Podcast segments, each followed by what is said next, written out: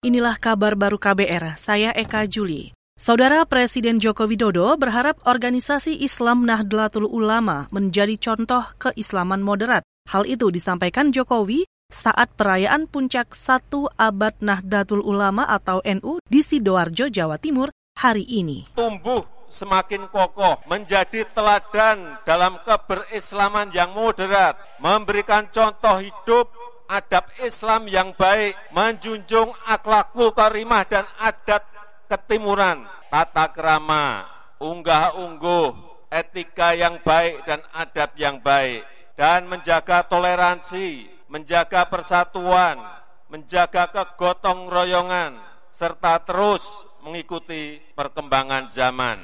Presiden Jokowi juga meminta Nahdlatul Ulama atau NU berkontribusi untuk masyarakat internasional Pemerintah menghargai upaya PBNU yang selama ini ikut membangun peradaban Indonesia dan dunia yang lebih baik. Kita ke soal lain, Wakil Presiden Ma'ruf Amin menyebut Indonesia ingin menjadi poros maritim dunia sebagaimana visi Indonesia Emas 2045. Ma'ruf mengklaim Indonesia merupakan negara kepulauan terbesar di dunia. Visi poros maritim dunia merupakan satu visi geopolitik sebagai penegasan manifestasi tujuan nasional sekaligus momentum dalam menerapkan strategi pembangunan nasional yang berbasis kemaritiman. Dalam 20 tahun ke depan kita ingin mewujudkan perubahan cara pandang menuju cara pandang maritim.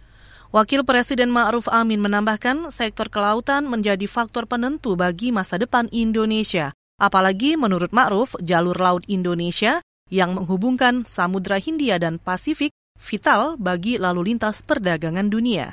Ma'ruf juga menambahkan, Angkatan Laut Indonesia berperan mengawal poros maritim dunia itu.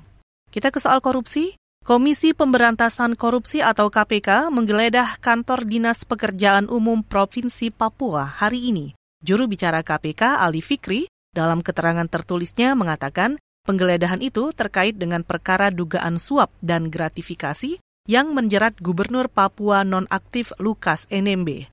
Namun, KPK belum merinci barang bukti yang disita dari penggeledahan di lokasi itu. KPK berjanji akan menginformasikan perkembangan dari penggeledahan itu. Selain Papua, KPK juga menggeledah beberapa lokasi seperti Jakarta, Sukabumi, Bogor, Tangerang, dan Batam untuk menelisik kasus Lukas NMB.